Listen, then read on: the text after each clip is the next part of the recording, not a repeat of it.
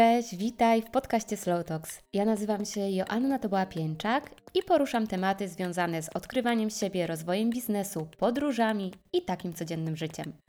Moją misją jest pokazywanie różnych perspektyw na życie i dzielenie się lekcjami, które już wyciągnęli moi goście. Zapraszam Ciebie na mój Instagram joanna.tobola i na portal slowtalks.pl. Partnerem dzisiejszego odcinka jest marka Lantre, autoryzowany sprzedawca sprzętu Apple. Jeśli rozglądacie się za nowym sprzętem, iPhone'em, komputerem stacjonarnym czy MacBookiem, to zdecydowanie polecam Wam zapoznać się z ofertą marki.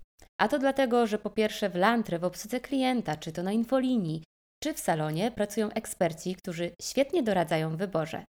Niedawno sama stałam przed takim wyborem i otrzymałam bardzo cenne wskazówki, na które wcześniej nie zwróciłam uwagi. No i one zmieniły moją decyzję zakupową na lepszą. Po drugie, w Lantre dostaniecie od ręki rozbudowane konfiguracje sprzętów. To nieczęsta sytuacja na rynku, ponieważ zazwyczaj u konkurencji zajmuje to nawet kilkanaście tygodni, a w Lantre z wysyłką zazwyczaj trwa to od 24 do 48 godzin.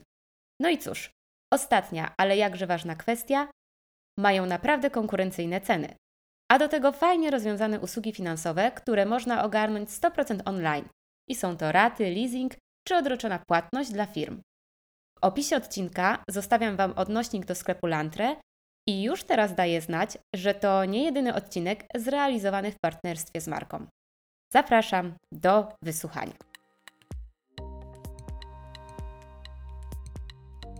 W ostatnim czasie mam jakąś alergię na słowa produktywność, efektywność i wydajność.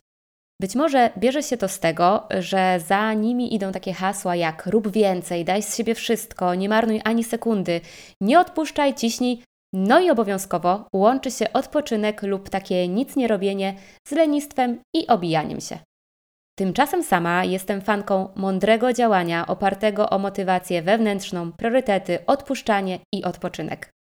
Często mamy wrażenie, że ktoś, kogo obserwujemy, robi tak dużo i zastanawiamy się, jak to w ogóle jest możliwe, przy okazji dowalając sobie, że wciąż my sami robimy za mało. Tymczasem z mojego punktu widzenia potrzeba sporo pracy, przynajmniej na początku, włożyć w pracę nad sobą, nad zrozumieniem swoich motywatorów, mechanizmów działania, sposobów na organizację, skupienie i odpoczynek. No i do rozmowy na ten temat zaprosiłam Kasię Ciejkę, która w sieci działa jako Travelicious i od 10 lat pisze o podróżach, fotografuje najpiękniejsze miejsca i inspiruje do odkrywania świata. Przy tym jest właśnie tą osobą, która często mierzy się z pytaniem: Kasia, jak to możliwe, że sama robisz tyle rzeczy?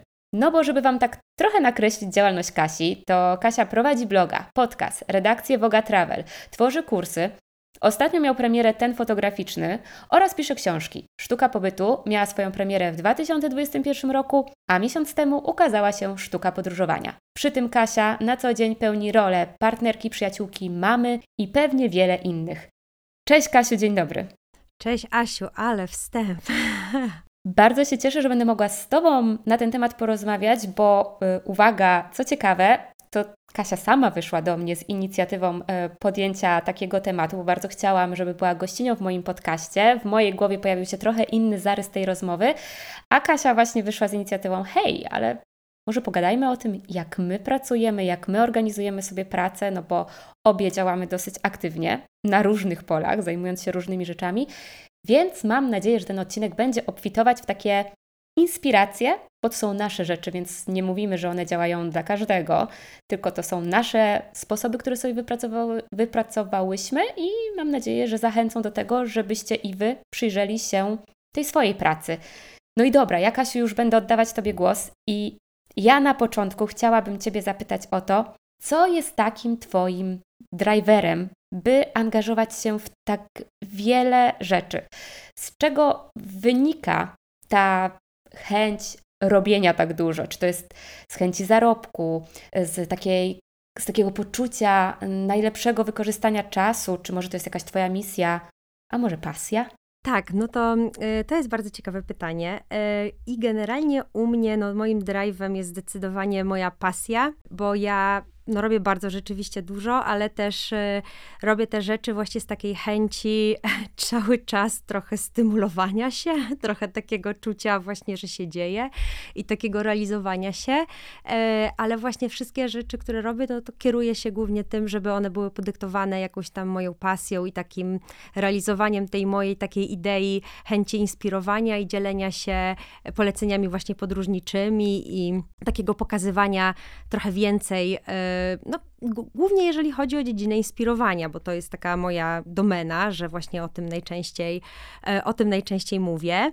E, a jeżeli chodzi o te inne motywatory, typy motywatory bardziej zewnętrzne, na zasadzie właśnie finansowe, czy jakieś takie na przykład poklasku, no to one gdzieś tam są mi, są dalej u mnie na mojej przynajmniej liście priorytetów, bo u mnie bardzo często tak to wygląda, że ja mówię, że ja mam takie okresy siania, czyli że pracuję w takich sinusoidach, że tak powiem, że na przykład potrafię bardzo wiele miesięcy pracować, inwestować w jakieś moje projekty i dajmy na to nie zarabiać i dopiero potem ten, e, ten zarobek jest odroczony.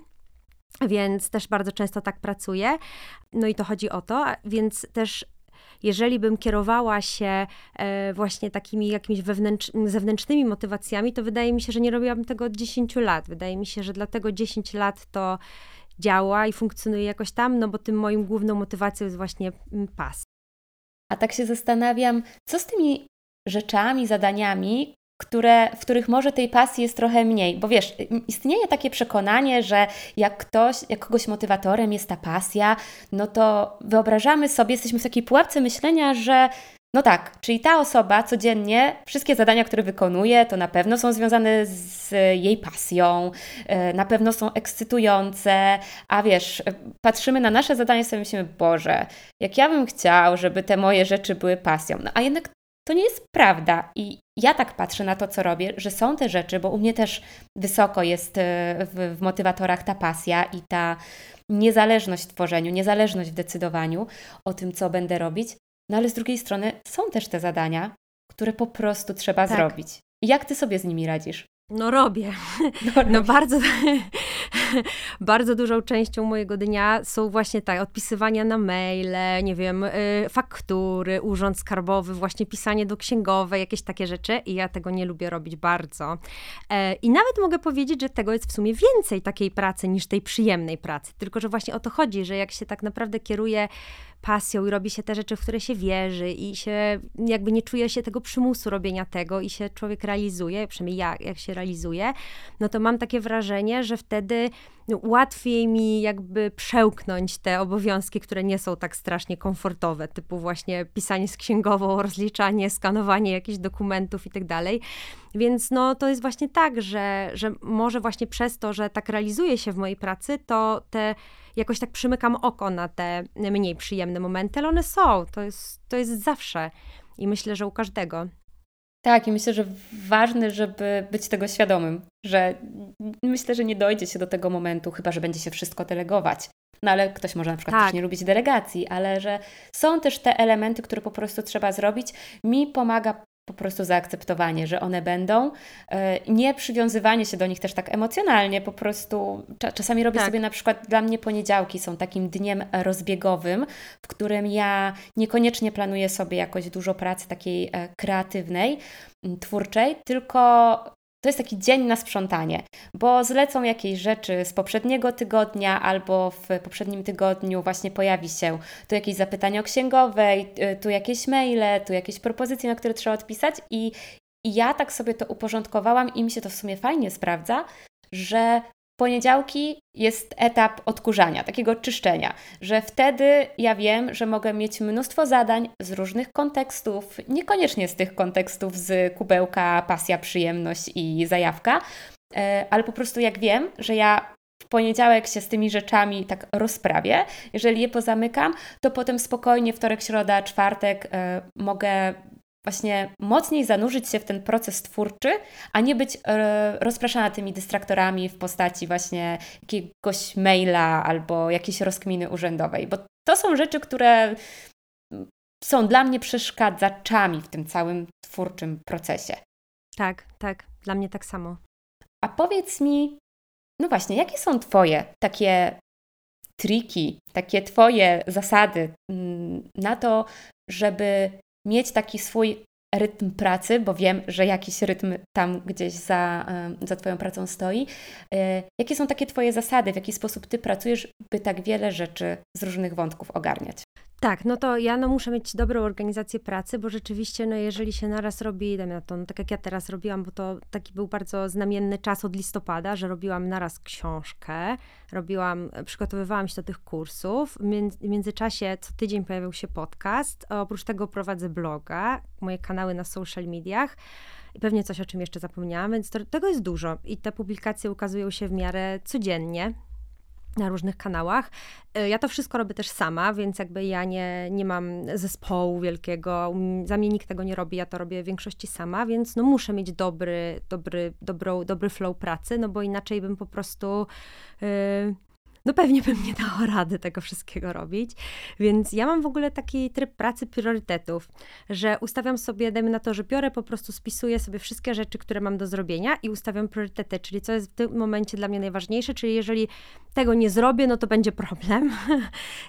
I, I wtedy na ten czas y, po prostu poświęcam tej rzeczy, która jest w danym momencie najważniejsza, dajmy na to 2-3 godziny i totalnie odłączam wszystko. Po prostu nie mam żadnych powiadomień, ale to nie mam nigdy od lat ale też odłączam internet, po prostu siedzę i robię, y, robię daną rzecz, która jest teraz najważniejsza.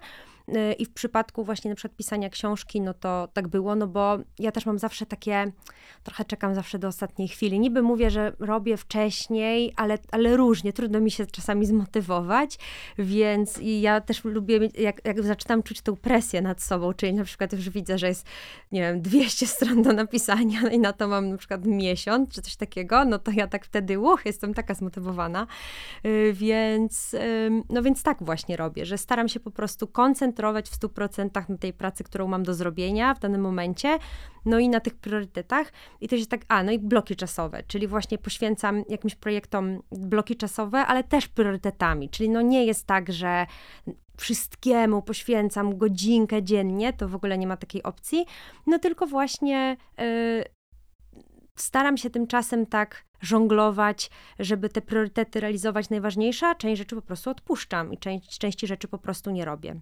No ja myślę, że planowanie to jest w ogóle taka sztuka wyboru. Tak. Czyli wyboru, czego nie zrobisz, e, a, a czemu poświęcisz swoją uwagę.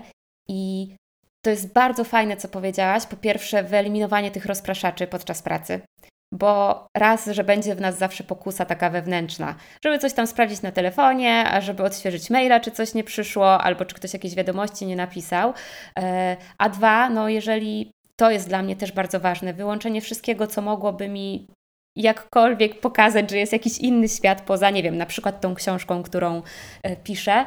Czyli no jednak jak maila mamy otwartego podczas pracy i przychodzi ten sygnał, to nawet jak bardzo nie mielibyśmy silnej tak. woli wytrenowanej, ten wzrok chociażby uda się w ten prawy górny rok z notyfikacją, co to za mail. A co gorsza, bo jak ten mail będzie z informacją, że na przykład, nie wiem, wtyczki na stronie internetowej zostały yy, zaktualizowane, no to spokojnie wiesz, że możesz to olać. To rozproszenie chwilowe nastąpiło, ale olewasz je. Tak. No ale jak tam pojawi się jakaś znacząca informacja albo jakaś informacja, która podniesie Ci ciśnienie, dla mnie już mam pozamiatane moje skupienie. Jakby... Ja mam tak samo. Tak, więc, więc to jest na pewno bardzo ważne, żeby sobie wyłączyć. Wyłączyć te rzeczy, które mogą coś takiego zrobić.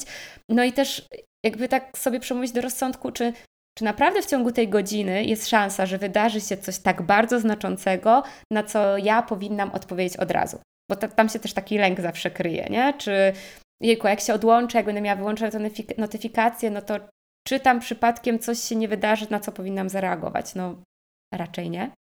W ogóle ta cała kultura odpisywania od razu, mnie to tak stresuje, jakby to jest tak mm, dla mnie zniechęcające na dłuższą metę, że w ogóle, wiesz, ja odkąd właśnie tak mam takie podejście na przykład do maili, że yy, no, no odpisuję raz dziennie, tam na przykład o 15 yy, siadam i odpisuję, to znaczy to jest takie pół na pół dobre, bo na przykład to się nie sprawdza w przypadku współprac, bo na przykład w przypadku współprac lepiej odpisywać od razu i zauważyłam, że wtedy skuteczność jest większa, ale na przykład jest to jeden z powodów, dla których ja współpracuję mało, bo na przykład dla mnie ta konieczność bycia reaktywną mnie po prostu y, stresuje, no zniechęca. Ja nie mogę tak, tak działać, bo jakby mam za dużo projektów naraz, y, no i jednocześnie też rodzinę, więc jakby no to jest totalnie dla mnie trudne takie środowisko, jeżeli trzeba ASAP wszystko robić.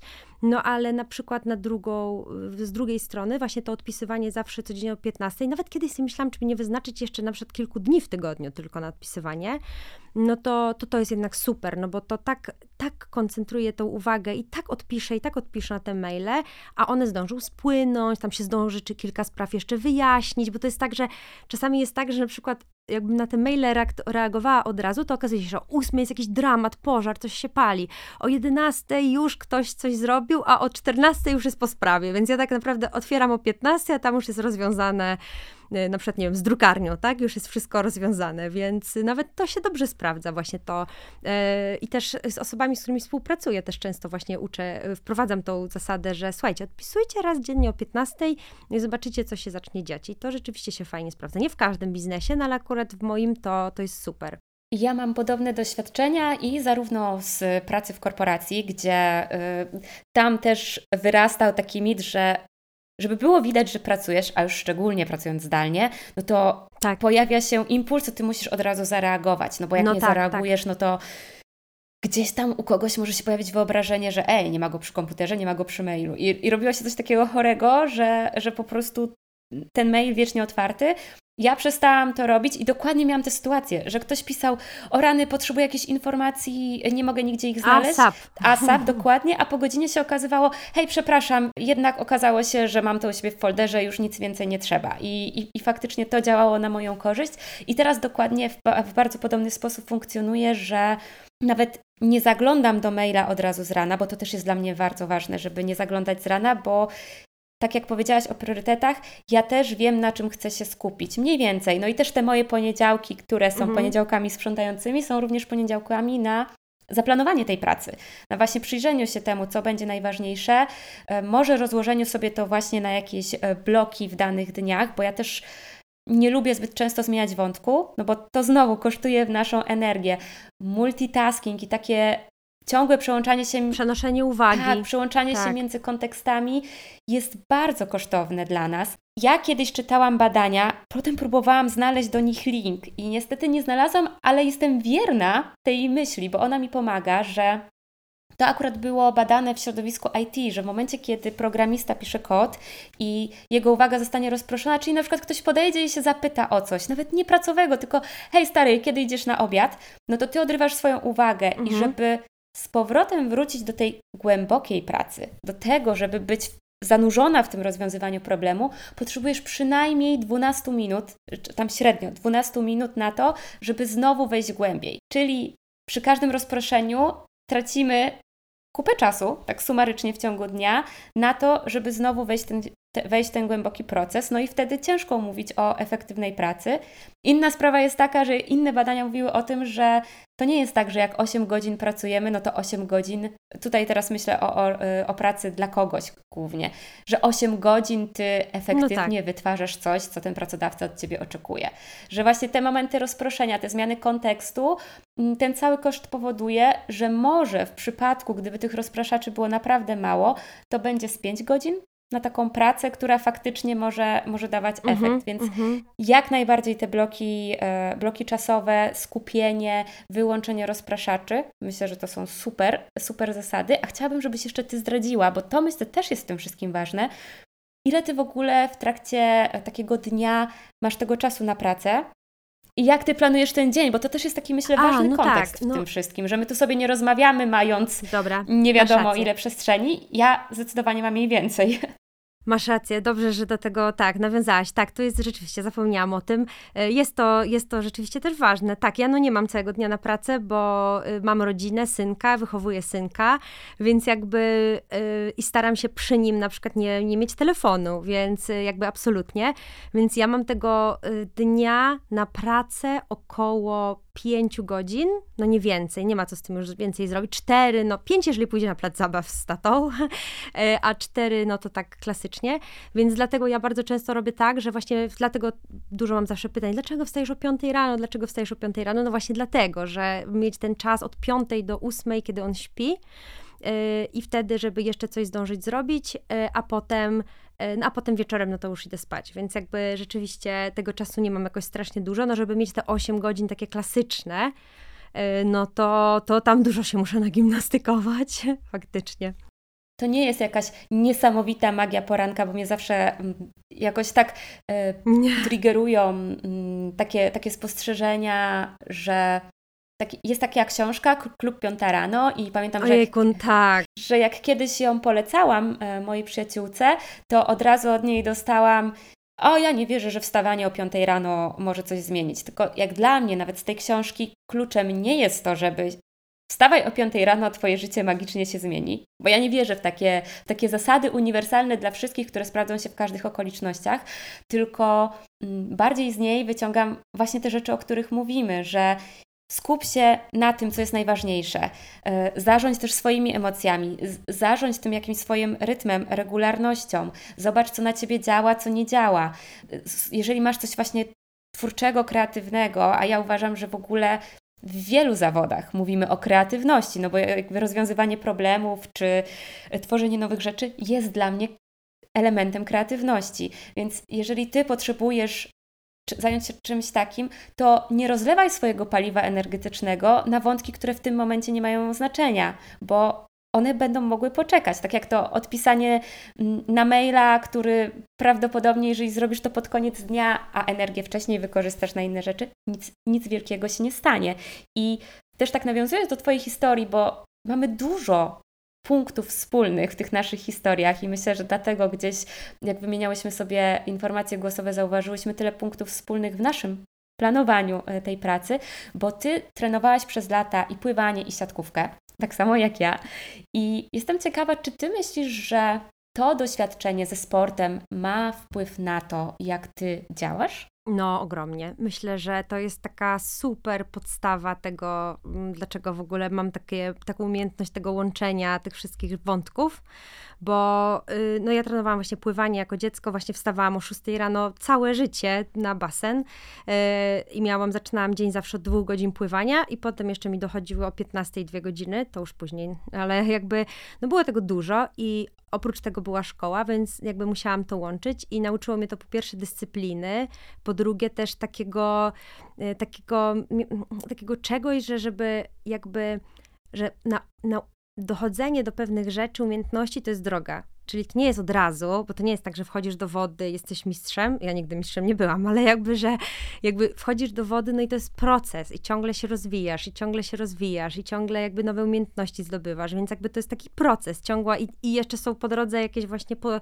problemy i przeciwności losu, ale to po prostu uczy takiej konsekwencji, takiej, no takiej też niezłomności i umiejętności planowania, żeby tym lawirować wszystkim, żeby ten plan właśnie umieć tak e, dostosować. No i przede wszystkim dla mnie w ogóle no i to, to jest coś, co mi dał sport jakby kiedyś i to ja widzę teraz u siebie. Natomiast Dlaczego dalej jeszcze sport jest w moim życiu tak bardzo mocno obecny? No bo ja codziennie staram się biegać, codziennie, codziennie jest, mam jakby półtorej godziny dziennie na sport, a już by nie wiem co choćby nie wiem co, naprawdę, w gorączce potrafię biegać, znaczy no idę wtedy na spacer, ale no zawsze staram się ten sport uprawiać, bo mi na przykład sport pomaga myśleć, w sensie, że jak ja się ruszam, jak idę i na przykład wrzucam sobie jakiś temat, tak wychodzę i myślę sobie, kurczę, mam taki taki problem, no i teraz co? No i ja w trakcie tego spaceru zazwyczaj wymyślam rozwiązania, to jest niesamowite, po prostu tak mi łatwo to przychodzi, e, nawet jest na to nazwa, że to jest e, jakieś myślenie kinestetyczne, czy coś takiego w tak. ruchu, tak, mam to samo. Mhm. Tak, no i to mi strasznie, nawet jak mam jakąś trudną rozmowę kimś, kimś przeprowadzić albo coś, to zawsze w czasie spaceru, zawsze, e, bo no strasznie mi jest dużo, dużo mi jest wtedy łatwiej po prostu, e, więc zdecydowanie, no i ten sport to jest dla mnie, no no, czy, uważam, że w ogóle nasze ciała zostały stworzone do tego, żeby być w ruchu i żeby ten sport nam towarzyszył. No i u mnie to się zdecydowanie bardzo dużo, jest, istnieje w ogóle taki mit, że jak się dużo pracuje, osiąga się jakiś sukces, to się taką osobą, to się tak siedzi przy biurku.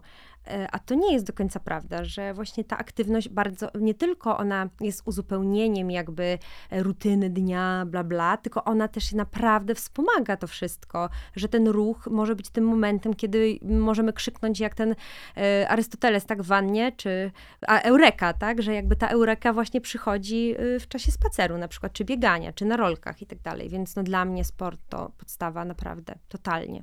Tak, a propos tego myślenia kinestetycznego, właśnie kiedyś na jakimś szkoleniu y, mnie uczono, że na różnych poziomach fal my możemy odbierać y, otoczenie nasze i wchodzić z nim w interakcję, no i że zazwyczaj odbieramy czy wchodzimy w interakcję z otoczeniem albo wzrokiem, albo słuchem, ale że właśnie jest jeszcze ta płaszczyzna kinestetyczna, kiedy w ruchu możemy tego doświadczać. I ja jak wtedy to usłyszałam, to było pewnie z 10 lat temu, to nagle... To była eureka? Tak, dokładnie, miałam nagle takie olśnienie, mówię, tak, ja to tak bardzo mocno czuję i ja na przykład uwielbiałam mm, po pracy, szczególnie po takich trudnych dniach, na przykład iść na siłownię, wchodzić na orbitrek bieżnie, na schody, bo jakby to było zautomatyzowany ruch, który po prostu powtarzam i nie muszę o nim myśleć i w tym momencie moja głowa się przełączała na taki inny tryb, na te inne fale i z jednej strony byłam w stanie zregulować sobie trochę emocje, zdystansować się do tego, co się działo podczas dnia, mm-hmm. a spojrzeć na to z innej perspektywy i dzięki temu właśnie wpaść na jakieś nowe rozwiązanie. I to jest też mm, tak jak czasami ludzie mówią, że najlepsze pomysły wpadają pod prysznicem. No i Dlaczego? Dlaczego te mhm. najlepsze pomysły wpadają pod prysznicem? Mhm. No, dlatego, że znowu odłączamy się od bodźców, odłączamy się od rozpraszaczy. No, Dokładnie. pod tym prysznicem zakładam, że po prostu tak. jesteśmy my i ta lejąca się woda, i wtedy faktycznie można wejść w ten inny tryb myślenia. Ja tak sobie zawsze to wyobrażam, jakby gałki oczne nie były skierowane do świata zewnętrznego, tylko jakby one nagle kierowały się do mojego mózgu, że ja po prostu te dane wszystkie, które sobie zebrałam, zaczynam je analizować, odwracając ten wzrok do środka, a nie na zewnątrz. No i tak samo jest czy z bieganiem, czy ze spacerem. Jeżeli nie mamy tego telefonu, e, nawet jeżeli gra muzyka czy podcast, to skupiamy się tylko, zawężamy to nasze skupienie. I ja uważam, że no tak jak ty, że cokolwiek by się nie działo, to ta krótka aktywność, już pomijając te wszystkie plusy dotyczące dotlenienia, jakby pobudzenia organizmu, produkcji endorfin, ja uważam, że to jest taki jeden z dobrych nawyków do tego, żeby właśnie lepiej pracować, czerpać większą przyjemność z tej pracy i żeby potem dzięki takiemu trochę rozładowaniu e, swojej energii wejść w większe skupienie w tym, co się robi. Zdecydowanie. Ja mam jeszcze taki pomysł, y, sposób, to też go podam, bo to są fajne takie potem zawsze konkretne tipy, że nawet robię czasami tak, że rzucam sobie jakiś problem na tapetę, na przykład jakieś, że muszę wymyślić jakieś kreatywne rzeczy, dajmy na to, no i idę z tym problemem biegać, y, na przykład włączam sobie w tym czasie jakiś podcast związany z tym, dajmy na to, też często po angielsku, bo też fajnie to zupełnie inną perspektywę daje, że jakiś po prostu inna, inna perspektywa na problem. I wszystkie pomysły, które wymyślam w trakcie biegania, zapisuję sobie w notatkach albo robię notatki głosowe. E, no i w ogóle świetne pomysły też często w ten sposób powstają. Właśnie taka sesja kreatywna, ale właśnie w ruchu też to super działa. Ale to super, że to powiedziałaś, bo to jest też takie świadome zarządzanie e, tym przepływem informacji wewnątrz, tym szukaniem pomysłów, bo to znowu, to nie będzie tak, że wyjdziemy biegać albo pójdziemy po ten prysznic i nagle wszystkie pomysły zwalą Cud. nam się do głowy. No, no, nie. Tak, to, to, też trzeba w jakiś sposób zaplanować. Ja robię dokładnie to samo z moim mężem, że jak sobie idziemy razem na spacer i wiemy, że mamy coś do rozkminienia, to głośno sobie mówimy, ej, to rozkminimy ten temat, to chodźmy na spacer i go wtedy rozkminimy. Że, My też tak robimy, no. Tak, że, że, że, to, że to nie jest po prostu coś na zasadzie, że to samo przychodzi, tak. że my musimy włożyć tą pracę, żeby świadomie pokierować y, tym swoim umysłem. A no. powiedz mi, jakie jeszcze nawyki pomagają Ci w, ogórnie, w ogarnianiu tych wszystkich projektów naraz? O Jezu, dużo mam strasznie takich nawyków. Wiesz, naprawdę, to tak, to ruszamy. No dobra, to na przykład tak, nie piję tylko kawy, jak pracuję. W ogóle to będą takie super konkrety, bo ja uważam, że konkrety Dawaj. to... No, nie, nie piję tylko kawy, ale też robię sobie w ciągu dnia maczę, bo na przykład uważam, że macza lepiej. E, robi w ogóle taką, takie stałe, jakby taką lepszą koncentrację. Właśnie jest bardziej na koncentrację niż na pobudzenie, więc w ogóle odkąd piję maczę, tam w lecie na, na lodzie w zimie ciepłą, to super mi się, naprawdę mam taką, du, dużo dłużej jestem taka właśnie skoncentrowana i dużo lepiej mi się pracuje, więc na przykład ta macza. Nie ja piję... też piję maczę popołudniami. Tak? O, no widzisz, no to właśnie. I też fajnie się śpi, wszystko jest w porządku, ale właśnie jest takie długie pobudzenie, nie ma takich skoków. E, staram się jeść e, słone śniadania, e, bo one nie wyrobią wyrzutu glukozy i tak dalej, więc też jest fajnie, bo wtedy nie ma tych spadków energii, jakiegoś takiego zamulania później i tak dalej. Chciałabym powiedzieć tu teraz, być taka wspaniała i powiedzieć, że tak wspaniale pilnuję mojego jedzenia i tak odżywam się zdrowo w ogóle wszystko, ale to bardzo różnie bywa, bo ja jak jestem w fazie pracowania, zapominam o jedzeniu, więc jakby, okay. ale no, ale przypuszczam, że gdybym właśnie pamiętała, no to bym robiła sobie jakieś rozsądne jedzenie, no ale staram się, nawet mam y, te dzwonki ustawione na to, żeby pamiętać, żeby coś mhm. zjeść. A to ja bym dorzuciła a propos tego jedzenia tak od siebie, bo akurat wczoraj o tym rozmawiałam z moim Tomkiem, że my, bo my zazwyczaj pracujemy od poniedziałku do czwartku i że nam taka rutyna w pracy od tego poniedziałku mhm. do czwartku bardzo pomaga i bardzo wspiera to, że my wiemy, co się kiedy wydarzy. My też jemy w oknach żywieniowych, mniej więcej od 12 do 20, 21 czasem i my wiemy, kiedy będzie jakiś element dnia w dniu pracy i wtedy nie musimy myśleć o tym, kiedy śniadanie, a kiedy, nie wiem, kawa, a kiedy powinniśmy coś zjeść, tylko my wiemy, że właśnie o 12 e, jemy, jemy śniadania i powiedzmy o 15, 16 jemy jakieś takie e, drugie śniadanie, takie drugie śniadanie połączone z podwieczorkiem. I po prostu to, że jest ten stały rytm, bardzo zdejmuje e, tą konieczność ciągłego podejmowania decyzji, a im więcej decyzji trzeba podjąć w ciągu dnia, tym to paliwo nasze maleje. Dlatego na przykład, nie wiem, mhm. e, Mark Zuckerberg nosi ciągle te same ciuchy. W sensie tak kiedyś mhm. bardzo głośno było o tym, że, że po prostu otwiera szafę i ma wszystkie t-shirty w tym samym kolorze, żeby ograniczyć ilość podejmowanych decyzji bo po prostu on potrzebuje mieć tą energię na podejmowanie innych ważniejszych decyzji. Więc jakby tak odbiłam do jedzenia, bo akurat u nas super się sprawdza i super to doceniamy ten rytm jedzeniowy. I e, plus w ogóle ze względu też na naszą sytuację, my raz na trzy tygodnie robimy zakupy, więc w ogóle o zakupach nie myślimy, ewentualnie jakieś warzywa, owoce. Plus mamy też taką naszą rutynę jedzeniową, też jak najbardziej słone, białkowo-tłuszczowe śniadania, że to nie jest tak, że ja co ranek muszę otworzyć lodówkę i się zastanawiać, co zjem, tylko ja już wiem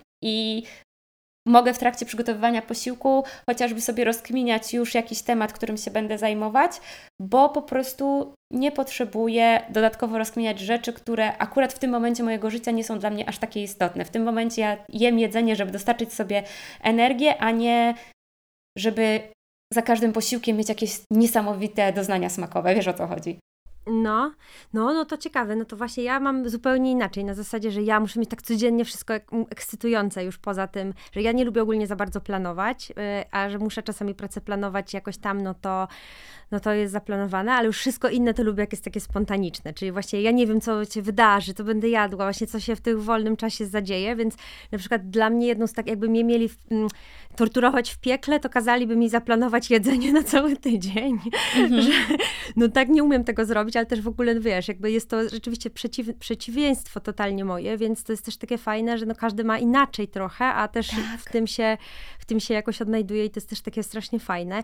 No ja to bardzo próbowałam wiele razy robić, ale to się tak kończyło taką klęską, że i tak szłam, mówiłam, nie, dzisiaj mam na to ochotę i tak dalej i szłam do sklepu.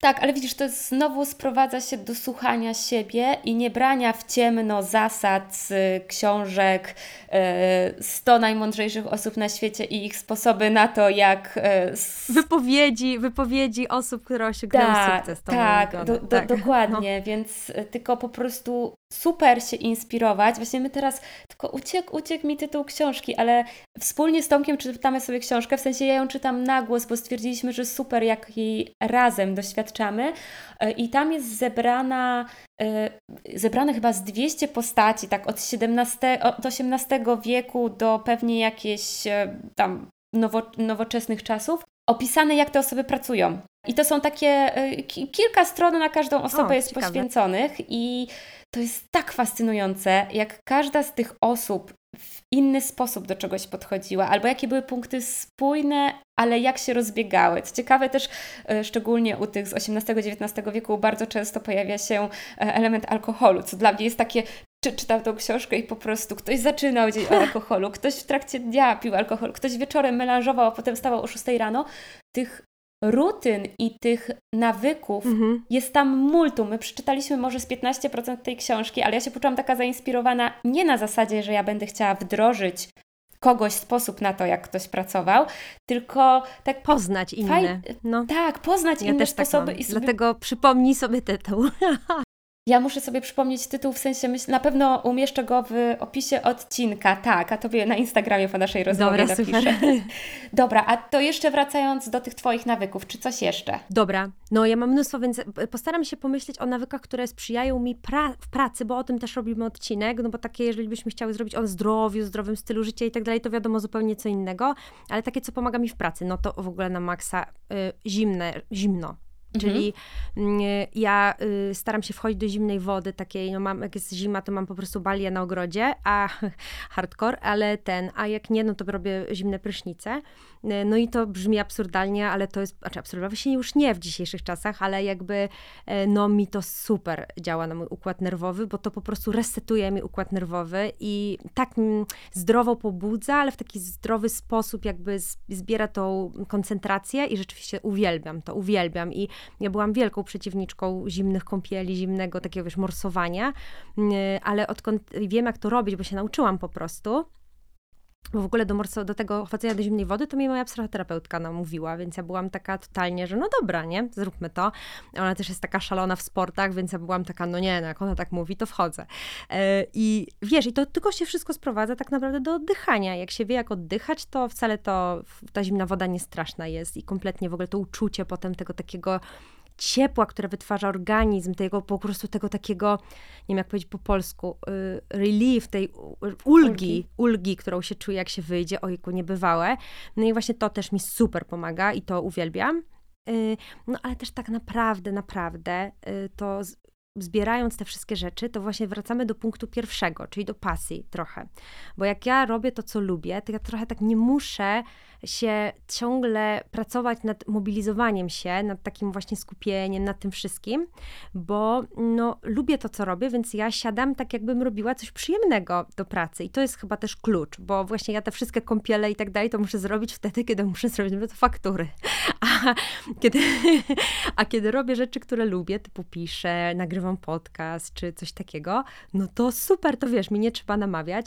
Więc może jeszcze skupię się na jakichś takich sposobach, jak robić, żeby być też takim, bo bardzo ja często dostaję takie pytania bardziej o, też o kreatywność, no bo to też są takie, nie tylko, że mm, jakby mobilizowanie się, tylko właśnie jak też sprzyjać tej kreatywności. No i ja też e, długo pracowałam w reklamie, więc też mam takie po prostu wyuczone sposoby na to, jak po prostu tą kreatywność wzbudzać, więc można to robić po prostu y, też właśnie stymulować się, czyli właśnie mm, ja robię to tak, że odwiedzam kiedy mogę muzea, no staram się właśnie podróżować, staram się oglądać jakieś filmy, ale z taką uwagą. Bardzo dużo też ja się uczę, jeżeli oglądam dokumenty. Dokumenty w ogóle biograficzne to jest, to jest tak duże źródło inspiracji, takich naprawdę takiego motywo, zdrowego motywowania się też, bardzo fajne. No ja też staram się robić tak, że y, mam w moim telefonie, no w iPhone'ie najprościej, w notatkach mam po prostu pełno folderów, takich, gdzie wpisuję inspiracje z różnych dziedzin, czyli na przykład Robię myślę to sobie samo. wcześniej. Tak, no, że na przykład miałam, mam, nie wiem, zaplanowane, że będę miała książkę, to ja już rok wcześniej, znaczy tyle ile wiem, jak na przykład, nie jest tak, że na przykład ja marketing książki. To nie jest tak, że siadam i mam dwie godziny na wymyślenie marketingu książki, no bo to nigdy tego nie zrobię na takim poziomie. Tylko po prostu ja to dłubię rok, jak idę na spacerze i pomyślę sobie, ale fajny pomysł, chciałabym tak książkę promować, to wpisuję do tego folderu. Mam na przykład, no i dzięki temu te pomysły zbieram długo, długo, długo i tą kreatywność tak w tych lepszych momentach po prostu łapię, bo u mnie też jest tak i to też warto sobie dać do tego prawo, że jakby to jest, to jest, to, to jest tak bardzo falami? To nie jest tak, że jest cały tak, że to nie jest tak, te fale już tak są bardziej takie mam pod kontrolą, ale to nie jest tak, że zawsze się jest na wznoszącej, tylko po prostu czasami jest tak, że się nie chce, albo że się nie da, albo że się nic nie, nie wymyśla, albo że te rozmowy na przykład tak nie idą, albo teksty są miałkie. Czasami tak mam, że na przykład mi ktoś wysyła, wtedy, no Kasia, to trzeba poprawić. No i ja wtedy się, wiesz, mobilizuję i poprawiam, tak? Ale jakby, no po prostu nie jest zawsze tak, że cały czas po prostu taka, no właśnie ta wznosząca, tylko to jest tak to zależy. I, I żeby się też nie karać za ten okres i na przykład, żeby ten okres wykorzystać na jakiś taki na przykład mega odpoczynek. Ale taki, taki, taki na przykład odpoczynek, o którym się tak od, od, dłuższego czasu marzyło i tutaj też mam taką śmieszną podpowiedź, ale może ktoś też ma podobnie, że ja jak już mam ten odpoczynek, na przykład mogę go mieć na przykład trzy dni, to bardzo często wykorzystuję go na posprzątanie domu, fantastyczne, załatwienie jakichś takich spraw, które mi zalegały, ale takich niefajnych. I to nie jest do końca odpoczynek yy, taki jakościowy, bo dalej głowa jest zmęczona, nawet czasami bardziej. I ja na przykład zaczęłam tak robić, że sobie robię też folder, y, co bym chciała robić, jak już będę miała wolny czas i sobie zapisuję na przykład książki, które chciałabym przeczytać, jakieś takie filmy, które chciałabym obejrzeć, no rzeczy, które bym chciała zrobić generalnie. No i staram się to wtedy rzeczywiście robić, bo ja jestem taka, że jak mam wolne, a nie mam go no jakby nie mam pomyślane, bardziej przemyślany ten czas odpoczynku, to ja bym tam wtedy załatwiała po prostu wszystkie zaległe urzędy i tak dalej. No a to nie o to chodzi. Ty w ogóle poruszyłaś y, kilka wątków, na które ja też będę chciała jeszcze w tej naszej rozmowie znaleźć miejsce, bo jeden wątek odpuszczanie, zaraz do niego wrócę. Drugi wątek odpoczywanie i to co ważne, planowanie też tego odpoczynku, bo zawsze gdzieś mnie to bolało, że i, I, teraz wrócę do pracy na etacie, gdzie jest te 26 ustawowo dni wolnych. No i tak. to ma być urlop. A na co często ten urlop idzie? Na sprawy urzędowe, na ogarnięcie jakichś... Na remonty. Na remonty, dokładnie. Gdzie jest ten odpoczynek? I to mnie tak jakoś no. zawsze od środka bolało, że kiedy na przykład jakiś mój pracownik mówił mi, słuchaj Asia, potrzebuję na jutro urlopu, bo muszę to, to, to i to. I no. ja zawsze mówiłam, że ej dobra, to chyba powinna być jakaś taka pula, 26 dni, kiedy faktycznie możesz odpocząć i na przykład 26 dni, no x dni na to, kiedy po prostu musisz zająć się życiem, bo to jest dla mnie przerażające, że w momencie, kiedy nie ma tej pracy, nie ma tych obowiązków, to pojawiają się po prostu obowiązki z innej puli, no i tak jak mówisz, no. my nie odpoczywamy. Być może, bo ja na przykład lubię traktować sprzątanie też pod kątem takim, że ja wiem, że moja głowa odpoczywa, bo robi coś innego. Mindfulness. Tak, taki, tak. I no. żeby też to robić uważnie i żeby też e, e przykładać, e, jakby być w tym sprzątaniu faktycznie, no ale z drugiej strony wtedy nie do końca moje ciało odpoczywa.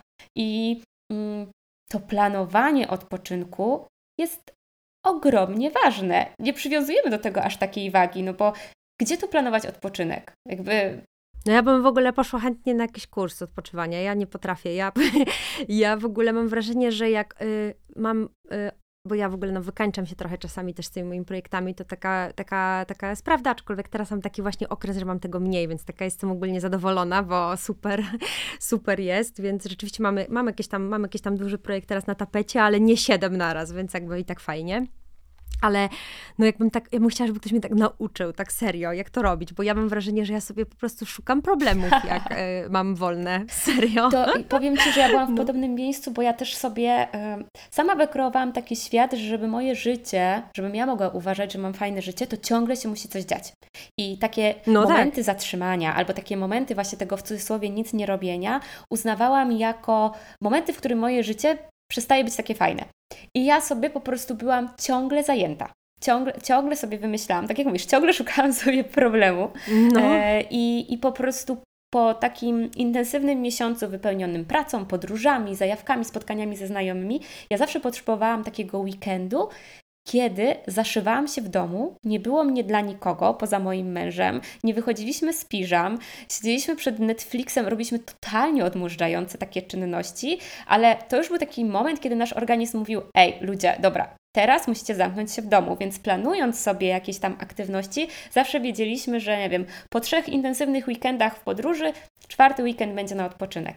I ja zmieniłam do tego teraz zupełnie podejście. W sensie przez ostatnie trzy lata zaczęłam zupełnie na to inaczej patrzeć. Zmieniła się też moja relacja z takim podróżowaniem w porównaniu do tego, jak to było kiedyś. Zmieniła moja sytuacja zawodowa się, ale ja uwielbiam odpoczywać. W sensie uwielbiam sobie powiedzieć, jakby nie wrzucać rzeczy, nie planować, nie myśleć, że jak coś mi się zwolni, to wtedy coś zrobię. Zarządzać tym i wchodzić w dni, kiedy nie wiem, co będę robić. Że czasami nawet moi znajomi, jak do mnie o, piszą... O, to ja aż mieciarki przeszły z przerażenia. Tak, ja, ja powiem Ci, że jak ja bym usłyszała siebie, wiesz, 3-4 lata temu, to bym sobie myślała, what the fuck, jakby w ogóle, dziewczyno, ogarnij się.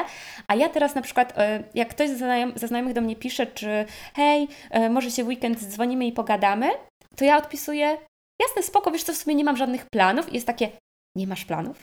Mówię, no nie, przyjdzie weekend i zobaczę, co będę robić, ale właśnie przestała mnie przerażać ta wizja, że ja nie mam, nie wiem co. Ja po prostu wiem, że może dłużej posiedzę w łóżku, może poczytam książkę, może będę szydełkować, e, pójdę na długi spacer, ale że to są takie aktywności nieskupione na tym, żeby osiągnąć jakiś rezultat. Mhm. Wiesz, żeby osiągnąć jakiś wynik, że po prostu zaczęłam w końcu robić rzeczy, dla ich robienia. Tak, tak po prostu, żeby się cieszyć procesem, żeby po prostu w nich być i czy one się udadzą, czy nie udadzą, czy ja tym coś zyskam, czy nie.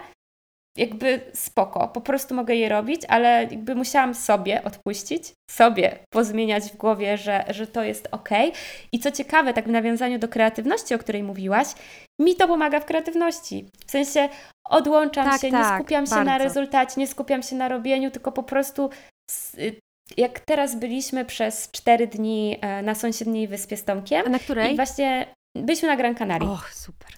I, i po prostu e, tak, mieliśmy taki właśnie czas bycia sobie tam. Bez, bez jakiegoś takiego konkretnego, że ben, ja zupełnie nic nie miałam zaplanowane. Raczej było tak, że gdzieś szliśmy i o patrz, tu jest jakaś atrakcja, może z niej skorzystamy, a może nie.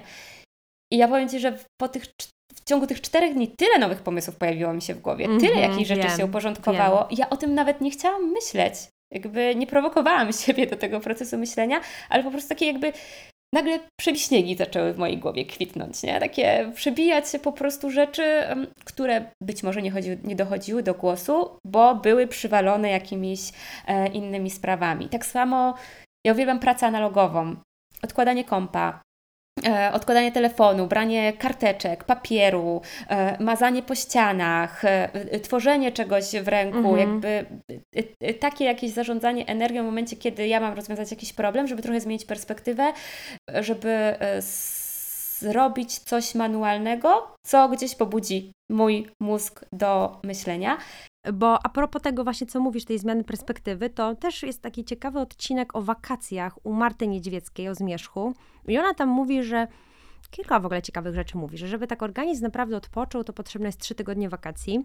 To jedna rzecz, taka, bardzo fajny jest w ogóle ten odcinek. A druga rzecz, która, mówi, y, która, która jest ciekawa, mówi, żeby, że wakacje tak naprawdę są wakacjami, kiedy tak bardzo, bardzo zmienimy mm, codzienność. Czyli na przykład chociaż tam ona in, kilka tam ciekawych takich rzeczy rzeczywiście pada, ale że jeżeli ten urlop będzie taki e, mniej standardowy, będzie zupełnie różnił się od rutyny codziennej naszego dnia codziennego, czyli na przykład jesteśmy raczej nieaktywni, to nagle aktywny urlop i, tak dalej jakby. No i też druga rzecz, na przykład, żeby bardzo, bardzo docenia się też urlop, kiedy na, urlop po kilku dniach się nudzi, jakby, jakby coś takiego tam pada. I nagle, mm, że na przykład jesteś w luksusowych hotelach i to jest twoja rutyna urlopowa i na przykład nagle pojechać na dwa dni do lasu, nie? Czy kemping, to też super działa na bodźce, bo teraz mówimy bardziej o takiej nauce, jakby o takim psychologicznym podejściu, sprawdzonym badaniami. No i to rzeczywiście podobno tak działa, więc to też jest takie strasznie interesujące, że, mm, że właśnie to wyrwanie się z tej rutyny i też takie podejście takie na zasadzie takiego już celowego działania bycia na przeciwnościach, że może przynieść takie super rezultaty, nie? Tak, Asia Podgórska też e, dużo o tym mówi, że po prostu wprowadzanie nowości do swojego życia, wprowadzanie, tak, tak. Mhm. doświadczanie mhm. nowych rzeczy i teraz nie chodzi o przełomy, Chodzi chociażby nawet o to, że nawet, wiesz, pijesz sobie codziennie kawę w tym konkretnym kubku i zmienisz kubek, albo nagle nie, za, nie wypijesz tej kawy. Wprowadzasz jakiś taki trochę stresor dla swojego organizmu, bo pojawia się coś nowego, a tak jakby domyślnie nasz umysł niekoniecznie lubi zmiany. On się lubi przyzwyczajać, mhm. lubi automatyzować, no bo wtedy znowu mniej energii przeznacza na, na, na te czynności, bo on już wie, co ma zrobić. I jak nagle go tak wytrącisz, że z tego hotelu all inclusive przeniesiesz siebie do lasu, to znajdujesz się w zupełnie nowych okolicznościach, do których, jakby których na nowo musisz się nauczyć. I to jest super pobudzające też. I mhm. ja na przykład właśnie w pracy lubię tą rutynę, ale po pracy, czyli jakby w połowie tygodnia w takiej rutynie, ale w momencie, kiedy nie pracuję, to właśnie uwielbiam przełamywać, uwielbiam zmieniać, uwielbiam robić coś w niestandardowy sposób i to znowu może być po prostu zostanie dłużej w łóżku, y, wypicie kawy w innym miejscu, rozpoczęcie dnia od y, spaceru w inną stronę. Mhm. To są naprawdę drobne rzeczy, których można jakby codziennie trochę kosztować, próbować. Nie wiąże się to z, z wielkim przełomem, ale ja widzę, jak ogromny wpływ ma to na mnie. I tak samo, jak ogromny wpływ ma na mnie odpuszczanie, o którym już powiedziałaś. Bo tak. chciałabym zacytować taki e, fragment z książki 4000 tygodni, który mnie bardzo urzekł. I on brzmi, że akceptacja ograniczeń to organizowanie dni ze świadomością, że w żadnym czasie nie starczy Ci czasu na wszystko, co chciałbyś zrobić albo czego się od Ciebie oczekuje i nie ma najmniejszego powodu, żebyś miała to sobie za złe. Mhm. I jakby ten fragment jest dla mnie takim złotem, taką myślą uwalniającą i jestem ciekawa, jak Ty czujesz te słowa i jak to rzeczywiście jest u Ciebie z tym odpuszczaniem. Mhm. No to ja się odpuszczania y, uczyłam y, długo, a tak naprawdę okazało się, że y, ono było cały czas we mnie i ja traktuję odpuszczanie bardziej jako taką umiejętność wybierania. I tak naprawdę tak, jakby takie stawianie granic, bym powiedziała, czyli że odpuszczenie to jest tak naprawdę nie właśnie rezygnowanie z czegoś albo bycie takim, bycie takim pobłażliwym dla siebie, tak trochę się to interpretuje, że odpuszczanie to jest takie, och, jesteś słaba, to odpuszczasz. Nie, tylko odpuszczanie to jest właśnie bardziej świadome, na zasadzie nie odpuszczam to, bo taki jest mój wybór. Na zasadzie, że to jest takie bardziej po prostu coś pomiędzy stawianiem granic, a stawianiem priorytetów. E, I ja tak właśnie podchodzę do odpuszczania. No i bardzo, bardzo, bardzo świadomie to robię i no bardzo często zdarza mi się odpuszczać bardzo wiele rzeczy, właśnie i w życiu zawodowym, i w życiu takim prywatnym. E, I im jestem tym skuteczniejsza w tym odpuszczaniu, to tym tak mam wrażenie, że i lepiej się czuję i jakby robię większe, e, no większe mam lepsze mam rezultaty w tej każdej dziedzinie, więc jakby zdecydowanie, no ja, dla mnie odpuszczanie to jest totalnie to, czyli wybieranie, świadome wybieranie. A jak się tego nauczyłaś? Mm, tego odpuszczania, mhm. tego świadomego wybierania. Kurczę, no tak teraz myślę, jak to było. Wiesz co, ja trochę taka byłam od zawsze, że tak trochę wiedziałam, co chcę. Yy, zawsze wiedziałam tak, czego chcę, że na zasadzie, nie wiem, po prostu łatwo mi było zawsze podejmować decyzje, wybierać. W ogóle nie miałam z tym jakby takiego problemu, tak, takiegoś było. Pewno kierowałam się takim swoim głosem, no i potem wydaje mi się, że na dłuższą chwilę to straciłam. Na zasadzie, że robiłam po prostu bardziej tak, jak mm, inni chcieli i tak dalej, i bardziej byłam taka podatna na wpływy, bym powiedziała może nawet. I potem myślę, że w procesie terapii nauczyłam się po prostu tego, że to stawianie granic jest takie ważne i to słuchanie siebie i. I tak to no. I mi się wydaje, że tak, tak po prostu taka naturalna droga, taka, taka naturalna droga tego, tej nauki odpuszczania, no i właśnie też bo ja właśnie bardzo długo źle rozumiałam odpuszczanie, właśnie jako słabość. I tak naprawdę w momencie, kiedy reinterpretowałam to, co znaczy to odpuszczenie, to stwierdziłam, że to jest po prostu dobre, nie? Bardzo potrzebne. Bardzo fajna perspektywa.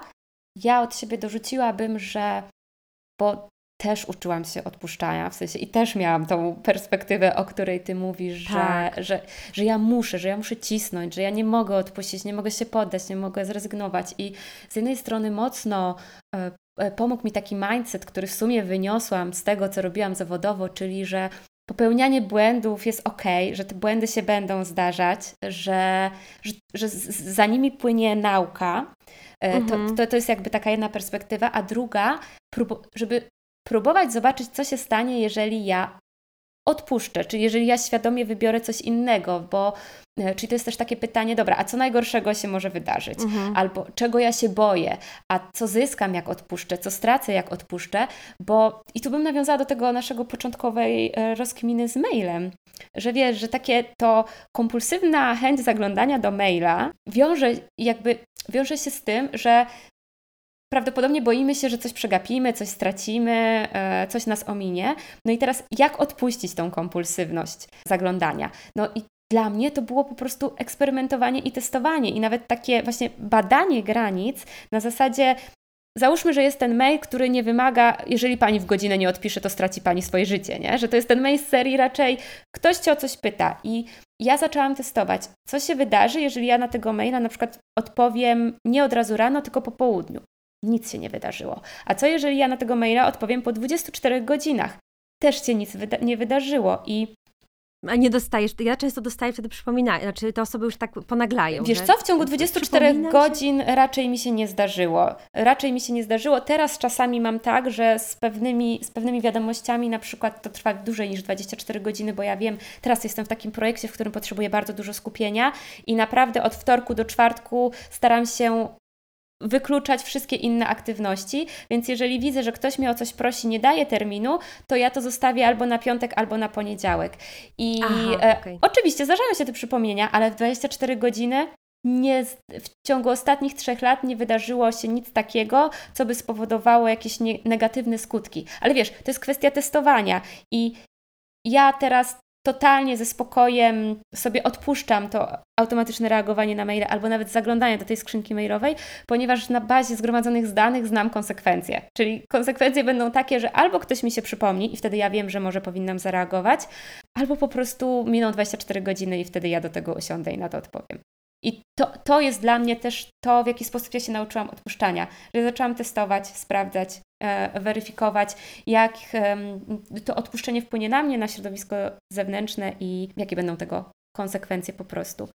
Chciałabym jeszcze o jedną rzecz zahaczyć, bo to w naszej e, e rozmowie na OFie wybrzmiewało i, i pamiętam, że, że to było takie super.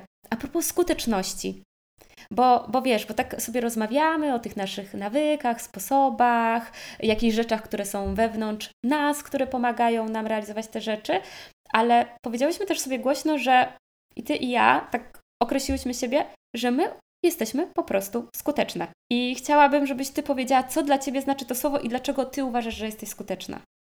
To też, ale jeszcze ta skuteczność tak, ale jeszcze powiedziałaś coś takiego y, o tym próbowaniu, no może to się połączy z tym. Y, właśnie, że y, ja mam coś takiego, że właśnie też, może właśnie to, to jest to, że dlaczego jestem skuteczna. No właśnie dlatego, że ja też nie boję się próbować i tak ciągle, ciągle próbuję. Na zasadzie, że nie boję się jakoś tam popełniania błędów w ogóle. Na zasadzie, że dla mnie to jest tak, że o, spróbuję zrobić, no nie wiem, w tamtym zeszłym roku, od zeszłego roku, no wydamy bułka, książkę, robię podcasty, i nie wszystko się udaje, nie każdy post jest fajny, nie każda rzecz jest ciekawa, a jakby ja się nie, nie boję jakby tego wrzucać, nie boję się próbować, najwyżej potem skasuję, wiesz, takie podejście, że po prostu próbować, próbować, próbować, próbować, popełniać błędy, na tych błędach się uczyć, no i dzięki temu właśnie potem te rzeczy, które już robię, doprowadzać do końca, bo też jestem wtedy przekonana, że te rzeczy, które już wtedy wybrałam, które się wykruszą po drodze, to że je chcę rzeczywiście zrobić.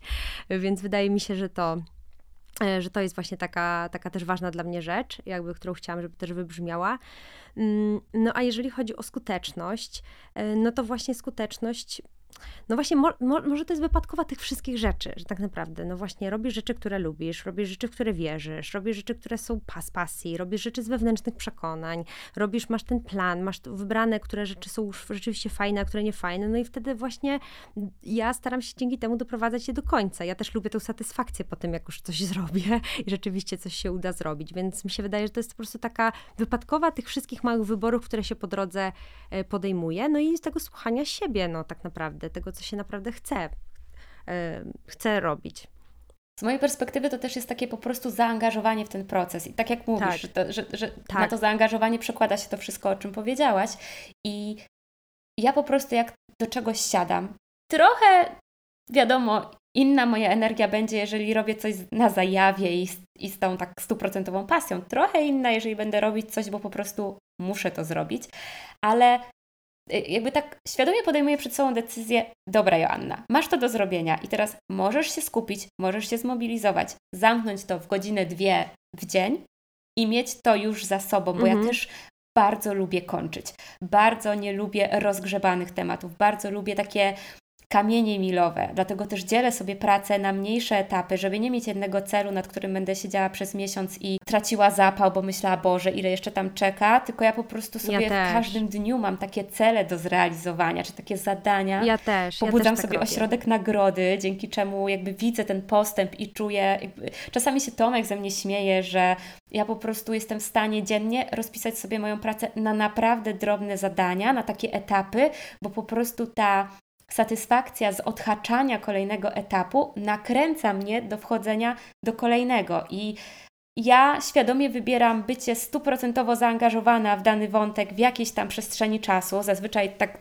do godziny jestem w stanie, w stanie być w tym skupieniu, niż takie rozpraszanie się, bo wolę wybrać tą drogę skuteczności i tego zrealizowania tego, co mam do zrobienia, niż po prostu rozciągania tego w czasie, bo wtedy ani nie będę zadowolona, ani moja efektywność nie będzie taka, jaka będzie, ale znowu to nie jest tak, że ja sobie cisnę i, jakby wypruwam z siebie flaki i piję 15 kawę, byle coś zrobić, tylko ja czerpię satysfakcję z bycia skuteczną. Czerpię satysfakcję w posuwania się do przodu i pewnie dziennie w takich są takie hardkorowe momenty, kiedy jest dużo do zrobienia, kiedy jestem w stanie 10 godzin e, siedzieć i po prostu pracować, ale ja też staram się tak 5, może 6 godzin być w takim właśnie, w tej swojej skuteczności, w tym swoim skupieniu.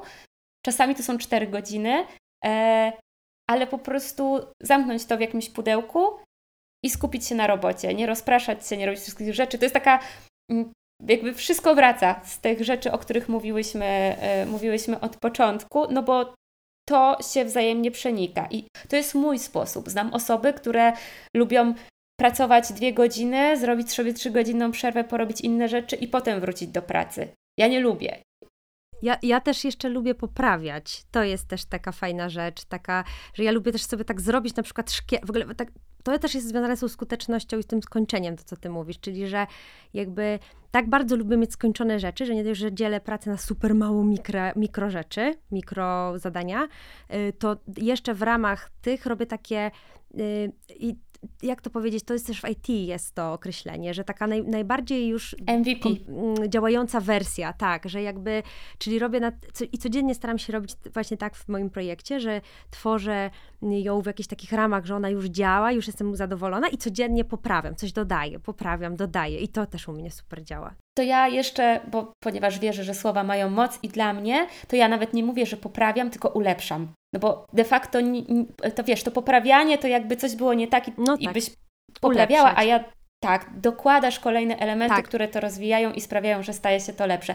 I to jest też taka super, myślę, konkluzja całej tej rozmowy, że nie trzeba mieć w, w, tym wszystkim, co się robi, dążyć od razu do idealnego, doskonałego e, e, e, produktu wykonania zadania, tylko właśnie można tymi drobnymi krokami tworzyć coś, co już zaczyna jakoś wyglądać, a potem to ulepszać, dopracowywać, bo co ciekawe, może się często okazać, że nasza pierwsza wersja będzie tą wersją, która już wystarczy, która właśnie będzie tym, tym naszym MVP.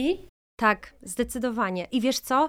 I jeszcze dać sobie czas, wydaje mi się. To też jest to, na, o, czym, o czym my mówimy. Bo zobacz, tutaj też jest trochę tak, że ja tak mówię, że teraz mam taki okres, kiedy jest dużo tych moich rzeczy, ale ja na nie sobie dałam czas, na zasadzie rok. Ja nie robię, wiesz, rzeczy dwa tygodnie, tylko rok, dwa.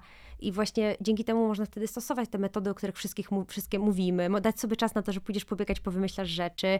I nawet, nawet jeżeli naraz potem robisz tych rzeczy dużo i tak dalej, to one są tak rozplanowane, że tak naprawdę są wypadkową no, tych, tego procesu, więc to tak się wszystko ładnie układa w taką całość, że można te rzeczy robić, można świadomie do tego podchodzić, właśnie nie reagować na wszystko od razu i tak dalej, jeżeli dajesz sobie na rzeczy czas. Bardzo mi się spodobała ta metafora z początku, że ten czas siania, warto też być na niego uważnym i czułym takim wobec siebie, że, że te rzeczy nie dzieją się od razu, że, że potrzebne jest to sianie, potrzebne jest uczenie się i to też wiem, że i Ty i ja obie lubimy po prostu się uczyć i, i, i zdobywać tą wiedzę, która potem może zaprocentować w przyszłości.